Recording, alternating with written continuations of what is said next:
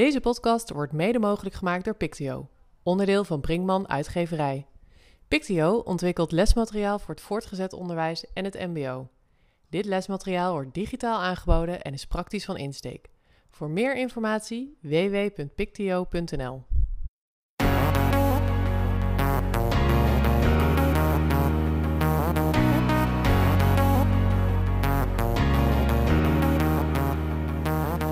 Welkom bij de Pixio Onderwijs Podcast. Een podcast over onderwijs in de breedste zin van het woord. Van kleuterklas tot hoogleraar, van praktijkschool tot gymnasium en van beroepsgericht tot basisschool.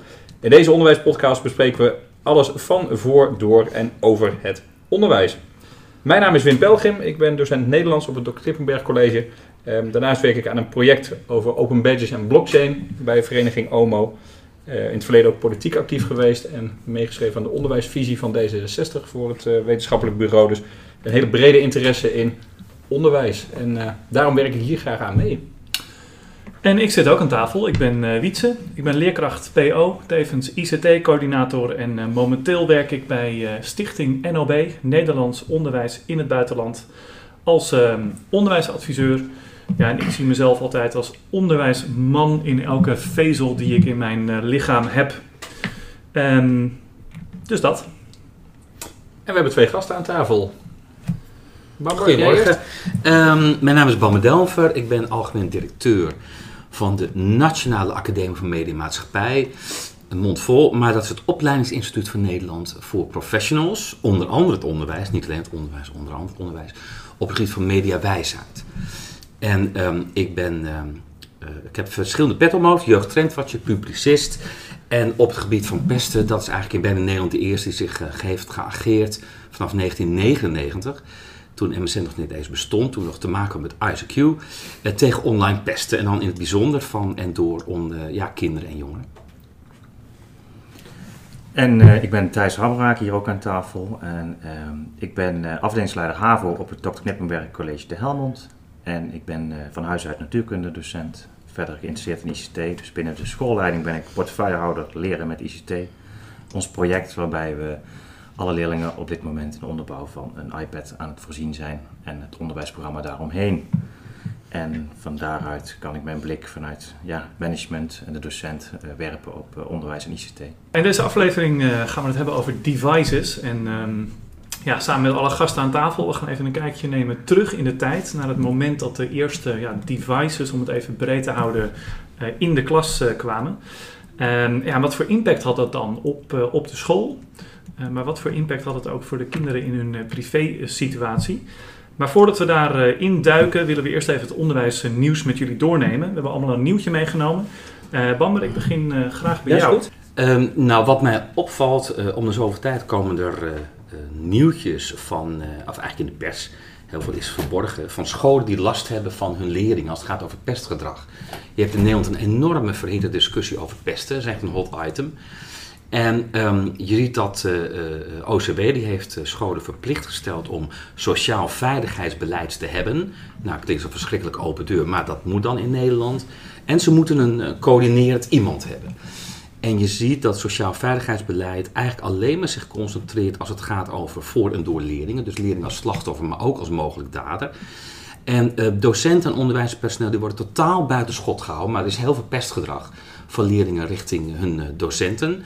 En um, ondanks heeft het uh, Schoter in Haarlem, dat is een van de vele scholen die er last van heeft, die heeft wel actie ondernomen, die heeft aangifte gedaan. Hoewel ze niet weten, dat zeggen ze ook duidelijk, wie het dan zou moeten gedaan hebben. Maar het is kennelijk naar boven uh, gekomen via Instagram en voor WhatsApp groepen. En je ziet dat leerlingen gewoon heel veel nare, echt nare dingen over de docenten kunnen sturen en ook devices in de klas gebruiken. Dus het raakt wel een beetje ons onderwerp. Dus echt de, de negatieve kant. Dat is helaas een beetje mijn vak. Want als je het over device hebt, nou, ik ben de eerste die gewoon weer iets nieuws koopt.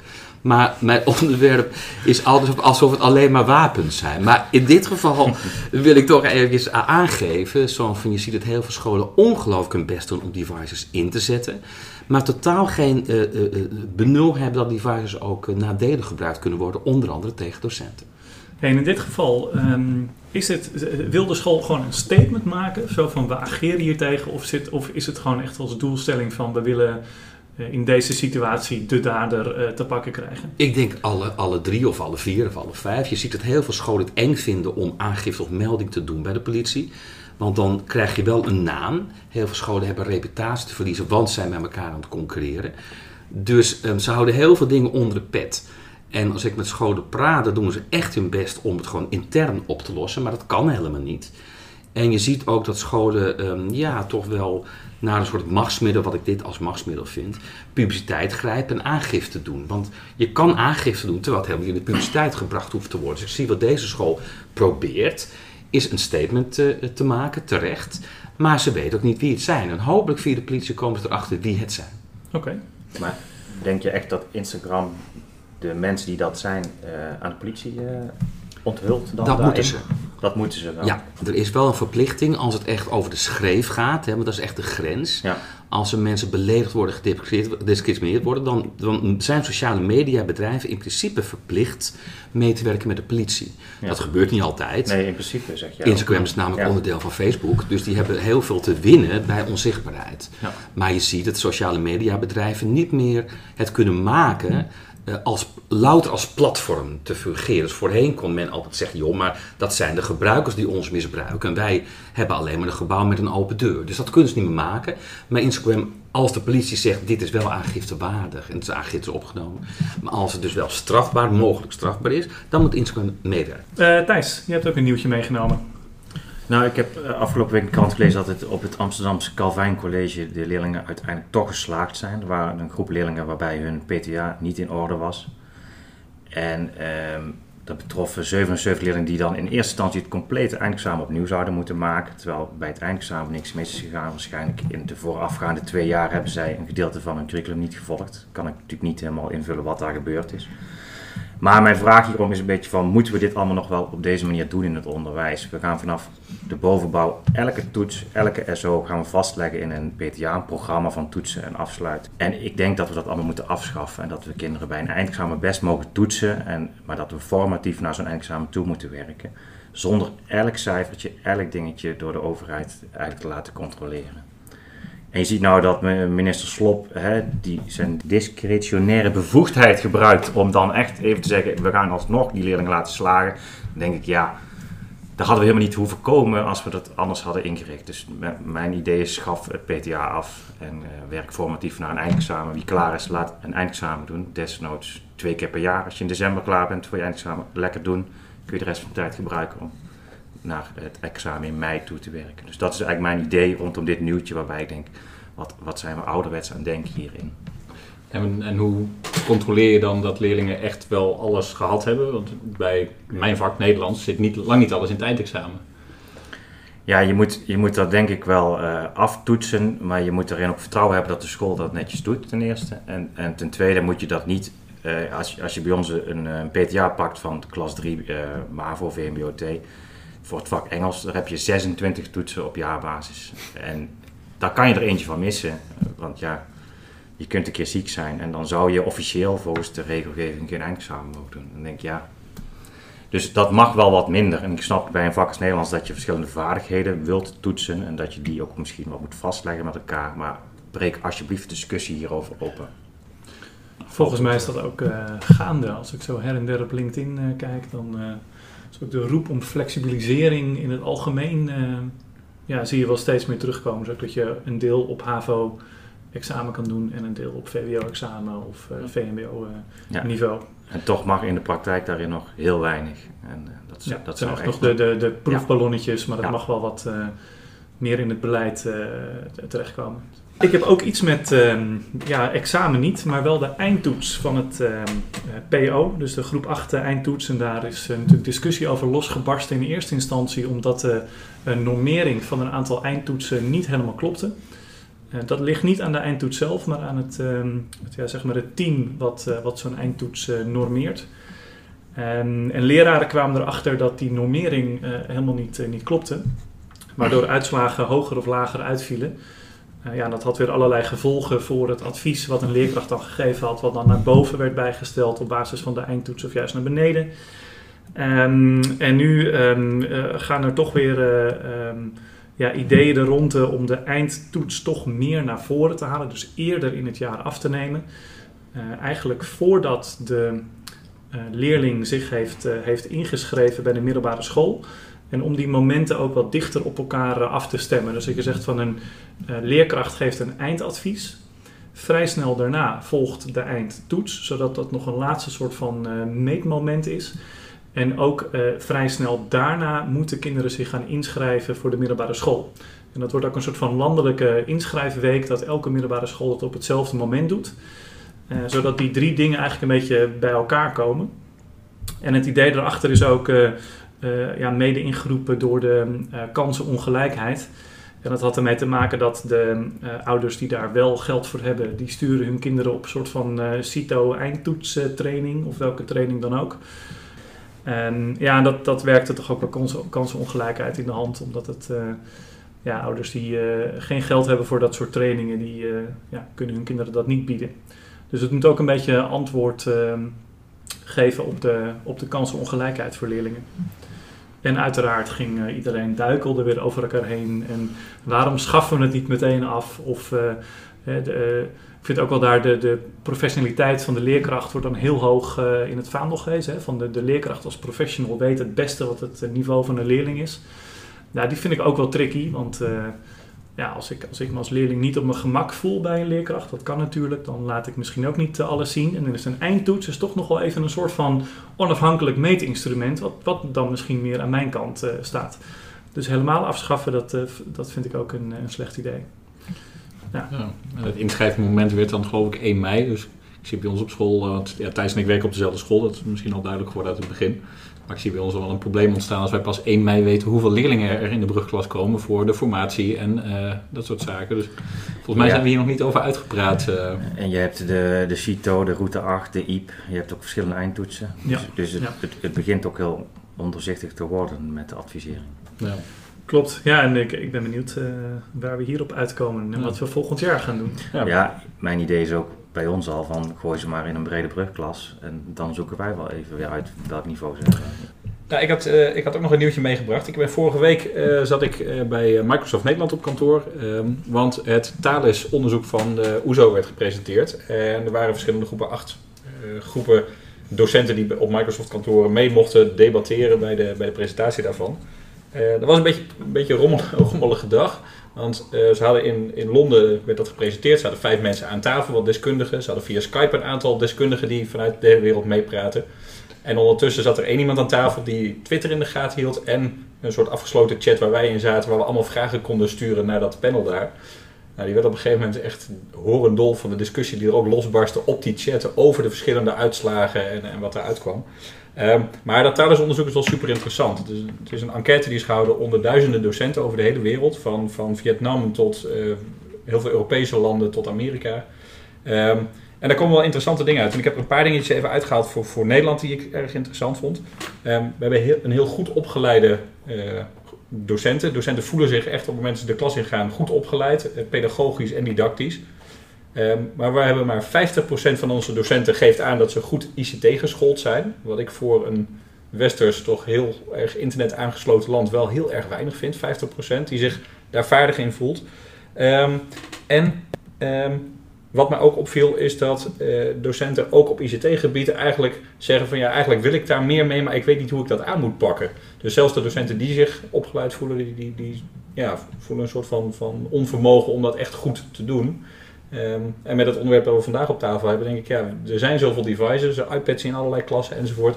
En ondertussen, ja, hoe vaardig is iedereen ermee en wat haal je er dan onderwijskundig ook uit als iedereen een device geeft? Dus dat, dat geeft wel weer voer tot eh, nadenken. We gaan eh, naar ons hoofdonderwerp. En dat is eh, devices in de klas. En ehm, we gaan een beetje een historische lijn eh, langs, uh, gaf iets in het begin al aan. En we beginnen bij eh, wat, ja, onze eerste ervaringen met devices in scholen, in de klas met leerlingen. En via vandaag naar wat de toekomst eh, zou kunnen brengen. Ehm Thijs, als ik naar jou kijk, wat was jouw eerste ervaring met devices in de klas? Eerste ervaring was eh the sky is the limit. We gaan het allemaal anders doen. We gaan revolutionair anders werken. We krijgen een iPad in de klas. Nou, dat was een ICT-docent die het project eh, mocht gaan doen. Die, die echt super enthousiast was. En we zijn begonnen eh, toch, eh, ondanks al het enthousiasme, met één klasje met, met 30 eh, iPads ongeveer. Met ook eh 30 docenten die daarin gelijk opliepen. En ehm, dat had een heleboel haken en ogen. We zagen dat de me- methodes nog niet eh, op niveau waren. Veel boeken achter glas, waarbij de meerwaarde beperkt was. Ook veel eh, problemen binnen school die nog niet goed werken, zoals een, een goed wifi-netwerk, waar leerlingen snel ook een boek kunnen downloaden als ze het nodig hebben. Even voor mijn beeldvorming, over welk jaar hebben We we hebben het? over 2013. Oké, dat is vrij recent eigenlijk nog. Ja, toch mijn alweer zes jaar geleden. Oké, Ja. ja. We hebben het over de iPad 2 toen. En eh, dat was ook een beetje de tijd dat die Steve Jobs eh, scholen van Maurice de Hond opkwamen. En dat dat veel in, veel het nieuws was. En toen was het ook voor ons de tijd om in te stappen, om mee te gaan doen eigenlijk. ja. En je Ja. geeft aan van we gaan het allemaal anders doen. Kan je, kan je, weet je dan nog concreet wat dingen van dat zouden we anders gaan doen? Alles zou digitaal gaan. Ze hadden eh, geen rugzak meer nodig, want de iPad was het enige wat nog naar school moest. Ja. En alles zou op dat ding gebeuren. En het internet, eh, de docent zou een coach worden, want het internet had alle informatie online. Hè? Dus, dus je hoeft alleen maar leerlingen te leren die informatie te zoeken. En ehm, we kiezen bewust ook, we hadden een VMBO 2 MAVO-klas gekozen. Van, nou, die hebben die motivatie nodig. Als, als we die helemaal aan, aan de gang krijgen, dan lukt het voor het HAVO-VWO gedeelte van de school ook wel. Dus dat was een beetje het idee. En ehm 15 docenten die zich ICT bekwaam voelden, die zouden als eerste instappen. En 15 docenten zouden achtervangers zijn, zouden meekijken en zouden helpen en advies geven. Je, je, je, ik hoor haast een beetje het cynisme in je verhaal als je het nu zo achteraf eh, terugvertelt. Eh, maar op dat moment geloofden jullie er gewoon in. Ja. Ja. En wat maakte dan dat, dat geloof, zo, weet je, was dat ook de, de, de marketingmachine van, eh, van, van de techbedrijven die, eh, die draaiden, zeg maar? Of eh, eh, een, een, een commerciële partij die aan jullie gelinkt was, die die beloftes maakte? Ook. We hebben een mooie prestaties gehad van toen iCenter. En die schetste allerlei dingen die konden met mooie apps en met hè, de bloedsomloop en eh, het hart wat je dan zag bewegen voor biologieles. Schitterende dingen die je allemaal kon zien. We Ja. hebben verschillende presentaties gehad aan het personeel. En ehm, ja, dat soort dingen van ja, oké, er is veel mogelijk, je, er kan veel. Nou, ik vind het prima, we gaan, we gaan het doen. Eh, mensen zijn enthousiast, docenten zijn enthousiast, ja. Ja, mooi. Ik vind het heel grappig dat als ik dit hoor uit 2013. Ik, ik ben zelf in 1999 kwam ik in klas 4. Eh, de eerste lichting, tweede fase. Wij kregen allemaal internet op school vanuit. eh, ik, ik ben opgegroeid in Twente, dus vanuit de Universiteit Twente werd er een, eh, kabelverbinding aangelegd. En nou, dat, we kregen allemaal internettoegangen en het studiehuis werd geïntroduceerd en daarin werd de docent een coach. Ehm, daarin konden we via internet van allerlei dingen doen en we konden informatie eh, tot ons krijgen. En eh, het zou inderdaad, er zou van alles anders worden en docenten zouden niet meer frontaal voor de klas komen te staan. En in feite hoor je dus 14 jaar later ongeveer hetzelfde verhaal met de iPad. Ehm, alsof het een soort van ja, eeuwige herhaling is van het wordt allemaal anders eh, op het moment dat we iets met ICT gaan doen. Eh, dus er zit een parallel tussen mijn ervaring als leerling in 1999 en, jouw ervaring als docent in 2013. eh. De, parallel is hier ook, ook een beetje de hype circle. Hè? De, de, hype wordt opgeklopt en, en dan op het hoogste punt stapt iedereen in. En dan uiteindelijk vallen er altijd dingen tegen in zo'n zo'n hype, waardoor je weer eigenlijk terugvalt naar een, stapje terug. Hè? Twee vooruit, eentje terug. En eh, ja, daar heb je gewoon een aantal jaren, een jaar of twee voor nodig. Dus ik denk dat dat toen ook, dat is juist zie je dat, zag je dat ook. Dat, dat het eigenlijk allemaal niet werkte, maar dat we bepaalde dingen ervan toch hebben be- behouden voor het onderwijs. Gaan we straks naar kijken. Ja. Ehm, want je ziet die device in onderwijs, pedagogiek verandert, didactiek verandert, eh, vaardigheden van de leerkracht eh, veranderen. Ehm, ik denk dat, dat als ik eh, nou, even jouw vraag beander in de consumentenmarkt, zeg maar de privémarkt, zag het er in 2013 al heel anders uit, denk ik. Ja, ik ik denk heb, dat heb daar al veel eerder opgezocht. Ik heb in 2008 ehm, het eerste project gedaan over mobieltjes in de klas. Hè, dus letterlijk in mobieltjes in de klas. Dat was dus nog niet een smartphone. Op de basisschool hebben we dat gelanceerd. En dat hebben we heel breed, eh, breed gedaan. Toen nog samen met Multicabel, wat nu opgegaan is in Ziggo onder andere. Er zit ook weer een of andere partner ding in. Maar ehm, wat heel erg opvallend is, is dat de privé, de thuismarkt, veel sneller gaat dan onderwijs. Dus wat je ziet is dat onze leerlingen, basisschool, middelbare school, zelfs heel jong, al lang al devices hebben. Dus eh, dat zag ik van verre aankomen. En dan moet je naar school toe. ehm, eh, en daar hebben ze ze niet. Dus wat wij gedaan hebben destijds is, dat heette pimpjefoon, om er een positieve lading aan te geven. Toen mochten al die kinderen, 2008, januari 2008, mochten hun mobieltje meenemen. Dus geen smartphone, hun mobieltje. En eh, dat waren echt de oude Nokia's, dat waren echt ehm, koelkasten. Wat, wat een kind nu echt nooit meer zou willen hebben. Maar, en ook zou zien als een museumstuk. Dat was toen hot voor de kinderen. En die kinderen wisten echt niet wat er overkwam. Dat je zo'n apparaatje, hun apparaatje, eh, mee mocht nemen in de klas. Ze hebben gelanceerd met groep 7. En als voorbereiding voor vandaag, voor de podcast, heb ik gepraat met een jongen die ehm, eh, in die klas zat. In die basisschoolklas zat. Groep 7. Nou ja, ik ben heel slecht in tellen, dus tel alsjeblieft voor mij maar hoe oud hij nu is. nou ja, ergens in de 20. En eh, eh, eh, dus ik zeg, hoe was dat nou? Hij zegt, nou, we wisten gewoon niet wat ons overkwam.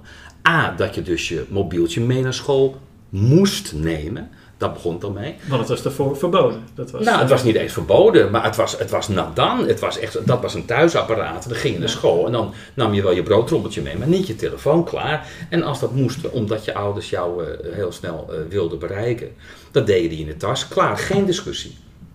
Vanuit de kinderen geen discussie, want ze vonden dat helemaal niet een afleiding. Dus ze, kon, ze konden namelijk helemaal niet op internet op al die apps, dus dat was het toen nog helemaal niet. Dus het was echt een telefoon, maar die nam je dan mee. Maar het was ook een calculator, onder andere. Dus wat we hebben gedaan is met die kinderen eh, geprobeerd, wat kan dat ding? Nou ja, die docent, de leerkracht stond er echt bij, zo wat ben je godsnaam aan het doen? Dus meten met dat ding en een wekker, en dat kon dat ding allemaal. En laat staan een calculator, een rekenmachine. Nou, ik vond het fascinerend. Eén, dat hebben we een ochtend gedaan. Het bevestigde mij ontzettend hoe wanhopig het onderwijs achteruit rent. Dus, die, eh, dus het hele onderwijs probeert onze kinderen gelukkig iets wijs te maken, daar ben ik dan wel blij mee. Maar ehm, niet met de levens waar kinderen nu zich in bevinden. Toen al niet, nu nog niet. Nou dan heb je weer zo'n voortrekkersrol, dat beschrijven jullie ook. Zo van, er komt een hype op. Terwijl er van tevoren, eh, eh, eh, wat, ja, dit vind ik helemaal niet vroeg, het jaartal wat jullie noemden, maar rijkelijk laat. Dus als mensen dan eh, geenthousiasmeerd worden door eh, een techbedrijf, of, of te denken, ja, waar was je al die tijd? Want die kinderen waren bij ons al vijf jaar eerder.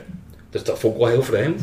En wat ik zo vreemd vind is te zijn, ik ben de partner van de helaas overleden futurist Marcel Bunninga. En die heeft dus vanaf van tevoren, van dit zijn de voor's, dit zijn de tegens. Dus je ziet een enorme eh achteruitwaartse beweging. De mensen die zich ingepakt voelen door hypes, door de bed in Londen. Nee, als, je, als je keurig elk jaar gaat, dan zie je toch echt wel lijnen. Dus waarom zijn onze kinderen slachtoffer van mensen die beslissingen nemen? Waarvan je denkt, dat wist je toch al, dat het een top had en een down heeft. Maar die kinderen zijn veel verder dan wij. En wij remmen ze alleen maar af. Heel gechargeerd, hè? Ja. Om de podcast een beetje levendig te houden. Dat snap je natuurlijk ook. hè? Ik weet nog dat ik zelf, eh, als ik even terugga naar die tijd, 2008, ik zat toen op de PABO, want ik Mhm. haak dan even aan op jouw eh, Mhm. tijdspad. Ja. Ehm, en mijn eh afstudeeronderzoek ging over de eh, cogniti- eh, cog- cognitieve theorie van het multimedia leren van Meyer. En wat ik daar heel erg merkte over die voorlopersrol die je toen had. En welke mensen gingen daarin mee en welke mensen gingen daar niet in mee. Dat ik toch vond dat er een soort van splitsing was van eh, enerzijds docenten die aan het einde van hun carrière min of meer zaten en dachten, nou weet je, het, ik, ik zit mijn tijd wel uit. Eh, anderzijds een beetje een middenmoot die al twee, drie van die cycli van vernieuwingen hadden meegemaakt. Die zeiden, god, daar gaan we weer. Komt er weer zo'n soort van vernieuwing aan. En ja, weet je, in principe ben ik gewoon tegen. Want die vorige twee, drie, eh, die werkten ook niet. Hè? Dat was ook zo'n hype en het ging weer weg. Dus, dus die waren een beetje uit principe, luisterden ze eigenlijk al niet meer. En dan had je nog een handjevol over die, da die daar wel eh, de meerwaarde van in zagen. En die inderdaad iemand nodig hadden die ze wel min of meer een beetje de weg wees. Ehm, ja, en, en eh, wa- wat ik wel merkte is dat de, eh, je, had, niet een soort van een kritieke massa die, die daarin meeging. En dat, dat was het, voor mijn gevoel het, het effect van Maurice de Hond. Eh, met zijn OVNT-scholen, die, die wist een bepaalde massa mee te krijgen, een kritieke massa, waardoor er een soort van tipping point kwam dat het eh, ging lopen. En ehm, ja, ik vond, ik vond het ook wel mooi dat, het, ehm, eh, dat, dat daar zat ook een complete visie natuurlijk achter. Hè? Niet zozeer van wat doe ik nu en wat kan een device mij brengen, maar die begon eigenlijk gewoon met een complete eh, lege. Ja, maar met weinig uithoudingsvermogen. Dus wat je ziet, hij, hij, raakte, hij raakte gewoon verveeld. Dus dat betekent dat de voorlopers, als je zegt ja, meetrekken in zo'n visie, ehm, eh, onderwijsvisie en zulke ingrijpende verbeteringen moet je op de lange termijn doen. Met heel veel achterban, met heel veel, heel veel lobby, heel veel geduld, inclusief de mensen die weerstand vertonen. Helaas is dat helemaal niet gebeurd. En je moet je kritieke massa langzaam uitbouwen. Met Ja. de koplopers beginnen. En, en de andere mensen gaan gewoon wel daarin mee. En, en ook eh, door kleine stappen te zetten en steeds kleine dingen toch ook bij die mensen naar binnen te brengen. En te zeggen, nou we gaan wel, een- gebruik 10 apps op jaarbasis. Hou je gewoon een boek erbij, maar ga wel eens met, Ja, met maar een aantal dingen aan de slag. Geef het succes weer. Dat, Ja. dat, dus wat je ziet is dat de voorlopers ontzettend vervelend vonden dat de mensen zeggen van joh, daar ben ik al heel lang mee bezig. Je kan beter leren luisteren en tactisch zijn en geduldig zijn. En uitleggen dat het je orde scheelt, want dat is een winstpunt natuurlijk voor onderwijs. Orde scheelt, het scheelt snelheid, het is een persoonlijke benadering van leren. En, ehm, eh, maar dat, dat moet je wel doen. Je moet het laten zien wat de succesverhalen zijn vanuit de leerlingen. En als je dat kunt, eh, eh, ja, dan wordt de kritieke massa die ontstaat. Ja, en is het, is het lastige ook niet dat een, een docent, want ik hoorde Bammer net zeggen van ja, docenten, het onderwijs loopt altijd achter op, op wat er in de maatschappij gebeurt, is dat er ehm, dat een docent ook moet leren van hoe kan ik in een groep met 30 leerlingen een middel inzetten. Ik, heb toen ik net begon met lesgeven ook met mijn bordgebruik moeten leren. Ehm, dat is volgens mij met, met iPad of, of een ander device, wat je ook, wat je ook hebt. Je moet leren eh, middelen te gebruiken. En er zijn door die toegang hier is volgens mij ook zoveel middelen dat het ook heel lastig wordt van ja, wat, wat heeft wel effect, wat niet. Soms zie je pas na drie jaar dat iets werkt of niet. Dus volgens mij is dat ook een, een, een zoektocht in het onderwijs van ja, wat, wat, ik wil mijn kinderen geen schade berokkenen door te experimenteren met ze. Ik denk dat we daar ook een beetje van af moeten, want soms moet je gewoon ook iets uitproberen en dan mislukt dus een keer wat. Is niet het leven van die kinderen gelijk mislukt. Maar het kost, het kost ook moeite om te kijken van ja, wat, wat werkt en, en hoe verbeter ik dat vervolgens. En dat is inderdaad een langere termijn Ja, ja en, Effect. en concentreer je op iets. Inclusief eh, missers, dus inclusief tegenslag. En analyseer het en ga dan door. En is dat ook hoe, hoe jullie dat aanpakken, Thijs? Ja, we hebben, we hebben na 2013 goed geanalyseerd waar dingen niet goed liepen. Ehm, een goede visie eronder gelegd hoe we verder zouden gaan. We wilden wel degelijk verder, want we zagen ook echt wel voordelen. Kinderen vonden, eh, we hebben onderzoek laten doen toen eh door TU Eindhoven, de twee studenten, wat het opgeleverd had. Dus er was een goed onderzoek gedaan tussen die klas en een parallelgroep. Kinderen vonden het wel veel leuker, het onderwijs. De, punten waren niet significant hoger, dus daar hadden we het niet voor hoeven doen, maar het, er werd veel leuker, eh, het werd leuker gevonden op school. Dus er was genoeg aanknoping om verder te gaan, een goede visie eronder gelegd, docentengroep uitgebreid en eh, inderdaad successen delen. Blijving, scholing blijven aanbieden gedurende dat jaar. Eh, ja, een soort bootcamps hebben we toen ingericht van we gaan een dag echt lessencyclus met, met een, een tablet voorbereiden. Ja, we hebben, eh, we hebben vooral het model van TPAC van Misha en Keuler centraal gezet van jouw lesstof is hetzelfde dan vroeger. Jouw didactiek mag ook hetzelfde zijn dan vroeger. Hè? Bijvoorbeeld schrijf een samenvatting van paragraaf 3. Maar dan gaan we een technologische component toevoegen. En begin eens op die manier. In plaats van met die fantastische biologie-app waar ik het straks over had. Maar begin eens gewoon bij jouw lesstof, bij wat je die les altijd al zou doen. Maar we gaan die samenvatting doen als een filmpje. Ja. Of als een wordcloud. Of als een, eh, weet ik veel, een picolage. Dus op die manier, kleine stapjes. En dan zag ik ook bij die bootcamps, dat is heel leuk aan het eind van de dag. Ik, zeg, ik zag allemaal leuke, vrolijke docenten hier bezig. Er werd gelachen, er werden filmpjes gemaakt op de gang. Er werd, er werd lol gemaakt. Als we die lol naar de Ja, klas kunnen precies. vertalen, hebben we genoeg verdiend vandaag. Ja, En dat het moeilijk is en dat we kleine stapjes zetten, maakt niet uit. Maar ik zag vandaag een groep docenten hier met veel lol aan het werk. Volgens mij is het daar ook een van de problematieken dat je in de, in de consumentenmarkt kan je, eh, naar mijn idee, heel makkelijk innoveren. En eh, het, mijn visie is altijd, in het onderwijs kan je gewoon niet innoveren. Je kan niet vanaf van zeggen van, ehm, van de ene op de andere dag gaan we iets totaal anders doen. Wat jij ook aangeeft, je moet, je, moet heel veel componenten moet je hetzelfde houden en op een klein stukje moet je eh, gaan veranderen en moet je kijken wat het effect is. In dit geval is dat dan de technologische uh, component. Nou, dat, dat, dat kleine stukje moet groeien naar iets groters, maar door klein te beginnen krijg je veel mensen van je personeel mee in, in die ontwikkeling. En, en, kun je, en gaan vanzelf mensen ook verder lopen. En ook mensen waar we net over hadden, die al wat verder in hun carrière zitten, die ik daar wel op aangesproken heb. Die zeiden ja, het waait wel over, maar die, die een jaar later toch aan de slag zijn gegaan en ook heel veel enthousiasme hebben. Ja. Zeg, is het zo van, ja, ik moest nog vier jaar werken en dan kon ik met pensioen, maar dat was te lang, vier jaar. Ik, ik, ik, zag aankomen dat ik dat niet ging halen met alleen de boeken. Dus ik ben eraan begonnen en ik vind het super leuk. En ik vind het echt leuk dat ik dit stukje nog ja, mee kan maken. Dus met een goede digitale methode eh, hebben we het dan ook over. Met een, met een nieuwe uitgeverij die buiten de grote uitgeverij om de goed materiaal levert aan school, is die docent heel enthousiast geworden. Vind ik echt een voorbeeld voor anderen. Ik ben heel benieuwd wat jullie ook bij, bij zowel in het basisonderwijs en, en, en thuis, maar ook in de klas, wat, wat is, zijn die leerlingen die daar nu zitten met die devices heel anders dan de leerling van tien jaar geleden met, eh, of elf jaar geleden met alleen zo'n sms-telefoontje. Eh, heeft, heeft dat impact gehad? Heeft een enorme impact gehad. Want de grootste impact, impact wat ik zie, is kijk voorheen, um, ik heb zelf een docentenopleiding genoten. En daar genoot ik ook trouwens wel van. Maar ehm, ik ben officieel maatschappijlijk docent gezondheidskunde, tweede en derde graad. Dus um, voorheen zijn wij opgeleid als, als eh, professionals, als educatieve professionals, dat wij poortwachten van kennis zijn. Nou, die tijd is over. Dus op het moment dat kinderen aangesloten zijn op het internet, het mobiele internet, dat zijn ze dus al heel vroeg.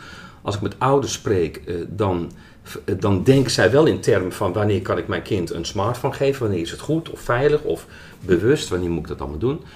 Maar um, de tablet, de iPad, is um, revolutionair in gezinnen. Dus dat betekent dat kinderen op zeer jonge leeftijd aangesloten zijn op de wereld waarvan wij als ouders en ook als leerkracht totaal geen benul hebben wat ze zien. En dan zitten ze redelijk nog thuis, maar het is wel mobiel. Dus ze lopen heen en weer met dat dingetje. En ehm, het gaat ook snel, want we hebben allemaal een thuis wifi-netwerk. Dus dat is ook een enorme revolutionaire uh, uitvinding. Dus men kan supersnel de wereld in. En voorheen was het zo dat je als kind, in ieder geval in je basisschoolleeftijd, je was beschermd. Je zat in een soort kokonnetje en je kon heel langzaam je jeugd beleven. Nou, die tijd is over, zeker op het gebied van informatie en kennis. Dus um, dan moet je denken dat je als kind uh, of als tiener of als puber aangesloten bent op de grote mensenwereld, waar alles te zien is. En als je als docent, maar ook als ouders of als jeugdzorgprofessional, denkt dat jij de poortwachter bent van kennis, nou ja, dan loop je dus echt ontzettend achter de feiten aan. Want dat zie ik overal misgaan. Daar heb je het niet over kennis van hoe moet ik spellen, hoewel. Uh, maar um, je ziet wel, je ziet heel erg over, of het dan gaat over seksuele voorlichting of wat dan ook vroeger was ik als kind echt niet in staat om kennis te vergaren of kennis te zien. Ik was afhankelijk van een meester of mijn vader, moeder of de bibliotheekmedewerker. Die zei van joh, jij bent zo oud, dit mag jij zien. Nou, op het moment dat dat weggevallen is, het, eh, het kind zelf verandert niet, maar je moet als kind echt je als een volwassene gedragen. Je moet keuzes maken die je gewoon absoluut niet snapt, die volwassenen nog niet eens goed afgewogen kunnen maken. En dat komt omdat we ons kinderen hebben aangesloten. Dus er is heel veel veranderd. En wat ik zie is dat de opvoed- en onderwijswereld, dat de essentie nog niet doorgedrongen is. Volgens mij is er daar ook wel een, uh, als we even teruggaan naar die tijdlijn, want we schuiven een beetje tussen 2008 en 2013. Ja. En voor mijn gevoel, wat jij nu aanraakt, zit ergens daartussenin. In de tijd dat zeg maar de sms-telefoon de smartphone werd. Uh, en dat die in eerste instantie in handen kwam van de volwassenen. Uh, wanneer zijn die in handen gekomen van, uh, van de kinderen? Nou, er is onderzoek gedaan, onder andere door het Nibud. En um, dat is 2015. En dan kan je zien waarom geven ouders aan hun jonge kinderen, jong in de zin van 11, 12 jaar, een telefoon. Dus alleen maar uit zorgen. Mijn kind moet bereikbaar zijn. En je ziet het ouders in totale paniek gaan als kind lief niet opneemt. Logisch, want dat deed mijn zoon ook niet. Dus, um, uh, dus je ziet, als kind kan je niet eens meer verdwalen. Ze trekken je, die rare ouders. Ze willen je bellen. Waar ben je? Waar zit je? Hoe laat ben je thuis? Dat is al moeilijk. Dus de omslag dat de smartphones naar de kinderen ging, dan moet je echt denken 2014, 2015. En de leeftijd zakt enorm. In Nederland is nu eh, eh, vorige maand onderzoek door CBS, 99% van de jeugd online, vanaf hun vijftiende. Maar dat komt omdat je voor hun vijftiende mag men geen onderzoek doen. Maar als ik praat met kinderen, nou ja, ik geef wel jaren ouder af, ik ho- hoef alleen maar vragen, nou oké, wie, wie, wie, eh, welke leeftijd heeft je kind? Nou, dan is geen enkele uitzondering dat driekwart van een groep 6 een eigen smartphone heeft. Maar dan ben je tien. En de, de eigen smartphone in de zin van Een eigen mobieltje. eh, een eigen met een simkaart kan ik met bellen. Volledig toegankelijk. En vaak de oude koelkast van vader of moeder. Die neemt een nieuwe iPhone of Samsung en dan mag jij de oude hebben. Maar dat is ook een hypermoderne telefoon. Zien jullie dat op, scho- op school ook terug, eh, Thijs? Op het moment dat die leerling nu bij een middelbare school binnenstapt, dat er een ander kind binnenstapt dan vijf of tien jaar geleden? Geen, geen ander kind, maar anders in. eh, we zien echt de afleiding van die telefoon in het onderwijs. Continu die, die dingen die aandacht trekken, die verslavend werken, waarbij je dat ding eh, continu eigenlijk eh, gebruikt. Zien we echt de concentratie van kinderen eh, echt ver- verslechterd is. En ook erbij moeten horen op socials. Dat soort dingen geeft echt wel, is echt wel een stukje vergif van deze tijd voor, voor de jeugd. Dus we hebben telefoontassen hangen waarbij de telefoon in de tas zit. De iPad ligt wel op tafel, maar is door een MDM, een Mobile Device Management programma, gedeeltelijk afgesloten. Dus kinderen worden erin wel gedwongen om eens even gewoon met onderwijs bezig te zijn. En zonder hè, al die social media, zonder al die vrienden die berichten sturen. Dus ja, daar hebben we toch een aantal dingen in beperkt. En aan de andere kant willen we ook een nieuw vak gaan opzetten met, met een stukje burgerschap, met een stukje bewustzijn. Dat we, dat we wat we vroeger in de basis een verzorging noemden, transformeren naar een meer, eh, meer eh, vak van deze tijd. Dus ook daar liggen plannen om ook kinderen daarin bewust te maken, zonder ze, wat we nu doen, een stukje verbieden. Pak je dan eigenlijk niet ook een stukje de rol van ouders? Ik bedoel, Je bent bijna aan het opvoeden. Ik vind dat school daar een stukje de rol pakken van ouders, maar ook wel een stukje moeten denken aan maatschappelijk belang. Dat als we het vrijlaten, dat kinderen eh, ja, niks, meer, eh, niks meer leren, even gechargeerd. Nou ja, het is altijd wel leuk dat die, dat die vraag terecht vraag hoor. Zo van neem je dan geen opvoedrol als school over? Dat is altijd al zo geweest. Ja. Dus dan hadden we ook nooit fietsles moeten geven aan onze kinderen. Want dan nemen we namelijk ook een opvoedrol over. Dus, maar die, die, dat, kri- dat, die, zeg maar, die kritiek komt altijd voort om een feit te negeren. Dus dat betekent, ik zo van ja, maar eh, ik denk even vanuit die kinderen. Ik vind een kind heeft recht op educatie en opvoeding, waar dan ook. Dus dat betekent voor een kind eh, is een leven 24 uur in een dag. En ze zien elkaar eh, en op school vaker dan vader of moeder thuis. Dus ehm, je bent als school totaal niet realistisch bezig als je die rol niet op je zou nemen. Dus graag dat scholen ook opvoeden. Ja, en de vraag is waar je rol eindigt. Wat een kind allemaal online ziet, uitspookt, doet. Ja. Kun je als school niet allemaal zien, niet allemaal controleren. Hoe ze met elkaar ook online omgaan, wat ze elkaar toespelen. Moet ik dat als school allemaal oplossen? Moet ik, dus dat soort dingen, dat zijn wel vraagstukken. Ja, ik, ik denk zelf, nee, je, je moet het niet oplossen. Je, je kunt het zelfs niet oplossen. Maar het heeft met bewustwording te maken, want en er is nog een nieuwe groep bijgekomen, dat zijn de volwassenen, die onuitstaanbaar zijn op die smartphones. We hebben onderzoek twee jaar geleden gedaan, Jantje Beton heeft het vorig jaar gedaan, waar ik oorspronkelijk vandaan kom. En dan zie je dat ouders gewoon, eh, nou ja, je hoeft maar om je heen te kijken, die geven het slechtste voorbeeld op het gebied van smartphonegedrag. Vorige week zag ik eh, in mijn kleine dorpje een moeder, nou echt een hele leuke, jonge, verstandige moeder denk ik, die zat te appen op haar ele- elektrische eh, bakfiets met kind. Dan denk ik, ja, bij wie moet Ja. ik nou beginnen? Gaat dat voorbij, eh, denk je? Alles gaat voorbij. Nou, in de zin van... dus dat is fijn. Ehm, mijn, eh, bij ons aan tafel thuis is natuurlijk ook de discussie van tijdens het eten geen telefoons aan tafel. Ehm, mijn kinderen vragen daar ook zelf naar. En dat heb ik ze natuurlijk fantastisch goed opgevoed, dat snap je. Maar ook in de zin van eh, een volgende generatie ziet dat dat vervelend is. Ja. Dus zullen die in hun eigen eh, opvoeding eh, twintig jaar later zich niet beter realiseren wat voor voorbeeld ze moeten geven? Nou, dat zijn twee ontwikkelingen die daarop zegt alles gaat voorbij. De andere is alle apparaten verdwijnen. Dus nu denken we nog in devices. Alles wordt verwerkt in kleding en in brillen. En, dus het gaat weg. Ja. Ik kom, elk jaar kom ik eh, in, in Texas, in Austin, bij die enorme conferentie. Ehm, en dan zie je dat men bezig is met spraaktechnologie. Je ziet dat ouders, nou vorige week nog een interview gegeven over ouders die hun kind liefste willen trekken en daarom een armbandje heeft gegeven. Die armbandjes worden verwerkt in knopen in kinderkleding. Dus je hoeft niet meer een regel uiteindelijk te hebben van geen telefoon meer aan tafel. Die telefoon zie je niet. Ja. Het gaat over de overlast. Het gaat over dan willen we met elkaar praten. Ja, de telefoontas. Ja. En ehm, geweldig, alleen eh, nou, het heeft niet alleen te maken met het voorkomen van overlast voor jou als docent. Het heeft niet alleen te maken met dat je dus een oplossing hebt gevonden voor het geconcentreerd zijn van kinderen. Het heeft ook ermee te maken dat er bepaalde uren op een dag zijn, kunnen zijn, dat je nog leeft zonder die telefoon. En dat is voor kinderen een eye-opener.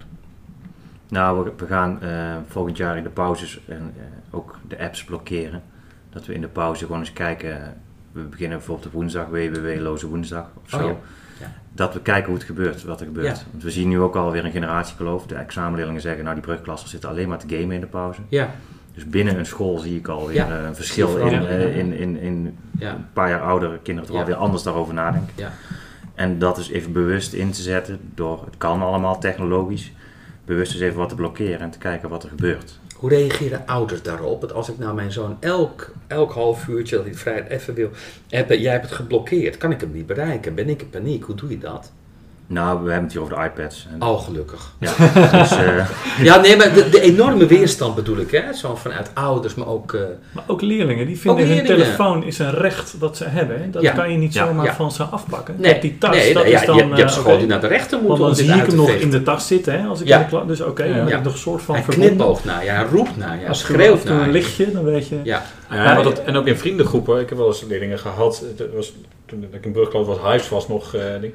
Een meisje dat. Toen openden ze een mailbox waar die dan blijkbaar aan huis gekoppeld zat. Maar er zaten echt honderden, zo niet duizenden berichtjes in. En echt, ja, maar als ik niet reageer. eh, eh, er was twee uur s'nachts. Als ze dan niet reageerden binnen een half uur, waren de vriendinnen boos. Ja. Dat ik op een gegeven moment met ouders heb afgesproken van. Als jullie nou zeggen, die telefoon moet beneden zijn. Dan kan zij tegen de vriendin zeggen, ja, dat moet voor mijn stomme ouders. ja. En ondertussen was zij er ontzettend mee geholpen, want ze kon eindelijk weer daarom. slapen. Dus het is ook, Ja. ehm, Ja. ze ervaren het op een bepaalde manier ook wel als een probleem, maar zien nog niet. En ja, daarom ben je 12 en nog, Ja. geen, nog geen 52 Nou, of zo. Je, ziet, je ziet de oplossing nog niet. Nou, en daar zie ik ook wel een, eh, een uitdaging, omdat je ook heel veel eh, docenten die ik dan spreek, die zeggen, ja, weet je, ik hoef die kinderen helemaal niet meer te begeleiden in hun eh, digitalisering, om het zo te zeggen.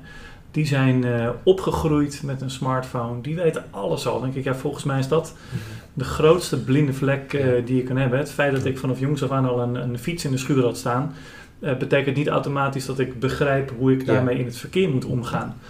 En dat is dan opeens een hele logische, ze zegt ja dat is logisch. En dat, maar, maar dat met de smartphone zien ze dat nog niet. Maar we moeten echt naar een nieuwe didactiek. We moeten echt anders gaan werken met elkaar, want we, we, hebben te veel hokjes.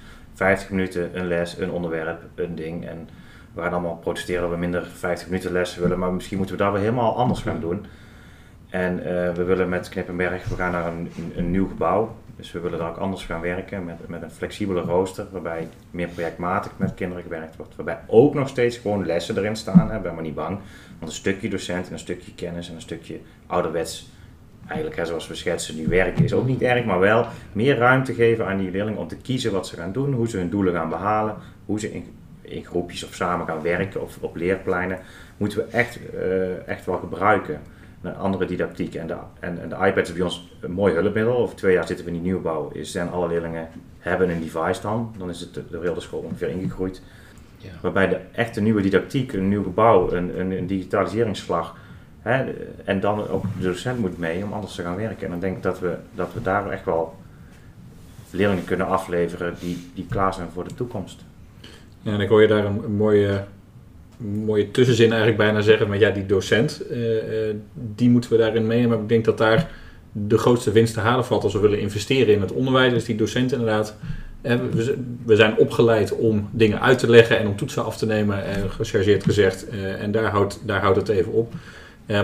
Om daar echt een slag in te maken en te investeren. Maar hoe gaan we dat dan doen? En dat Ja. gesprek met elkaar te voeren. En ik hoop dat we dat hier aan deze tafel ook nog veel vaker kunnen doen. Van hoe gaan we nou het beste onderwijs geven. En er zijn heel veel theorieën. Er is heel veel, ook voor ons online heel veel te vinden aan kennis en, en prachtige MOOCs en, en, en prachtige communities waar je deel eh, kunt nemen. Ehm, maar daar moeten we echt onszelf, denk ik, als docenten ook in, eh, in leren en in scholen en, en stappen in zetten. Ja. En als wij het doen, kunnen we die leerlingen er ook in, eh, in meenemen. Ik zie wel een mooi verschil met hoe dat in 2013 ging, waar zeg maar de technologie als heilige graal eh, werd aangegrepen om het allemaal anders te doen. Eh, lijkt nu veel meer het uitgangspunt van eh, de, de didactiek, eh, waar het onderwijs nu staat, waar de leerling nu staat. En dat je daaromheen dingen organiseert om dat eh, zo goed mogelijk te begeleiden. Waarbij het device ook zeker een onderdeel is, maar dat is niet meer het uitgangspunt. Ja, eens. Je schetst het heel mooi. Ja, en bedenk dat het ging hier over devices, maar die gaan dus echt verdwijnen. Hè? Nou, het, Ja. het gaat over toegang. Ja, het gaat over toegang Ja. inderdaad. Het gaat over technologie, Maar- het gaat over communicatie. Toegang tot internet gaat niet weg. Hoe je, hoe je het device Nee. ook maakt en waar Nee. het ook zit. Nee. Dus, dus de manier van anders werken aan eh, kennis vergaren en eh, zal, zal daarin wel, Ja. wel blijven. Ja. Dus, dus ik denk niet als, als meer tablet de- verdwijnt, dat dan ook Nee, de nee, nieuwe nee. didactiek in het onderwijs die we nu eh, hè, willen op gaan zetten, weer helemaal anders moet. Maar, Ja. Maar kijk naar, naar, naar wat heel erg eh, belangrijk is, is dat naar de toekomst gekeken wordt. De toekomstige technologie, spraaktechnologie, dat gaat een ongelofelijke rol spelen. Want dat kan je namelijk als heel jong kind. Dit is de pilotaflevering, hè, dus we, we willen volgend schooljaar eh, echt, eh, pas eigenlijk echt van start eh, gaan. Eh, maar je kunt in ieder geval al wel op deze aflevering, die we ook eh, online gaan plaatsen, reageren. Eh, op Twitter, het onderwijscast, eh, via Instagram, het onderwijspodcast. Eh Wiets heeft een Facebookgroep aangemaakt. Zeker, onderwijspodcast. Goh, wat een, vinden, ja. wat een verrassende naam. Eh, en wij zijn zelf ook online te vinden, eh, Wim Pelgrim. En uh, Wietse Niezen. Dus eh, laat horen wat je ervan eh, van vindt. En volgend seizoen zijn we dan terug. We weten nog niet met welk onderwerp. ik zie hier puntje, puntje, puntje in ons draaiboek staan. Ik heb naar aanleiding van dit gesprek alweer zoveel ideeën om een uur mee vol te praten. Dus dat komt wel goed. Dat, dat gaat zeker goed komen. Nogmaals dank voor jullie bijdrage. En heel graag aan de luisteraars tot een volgende aflevering.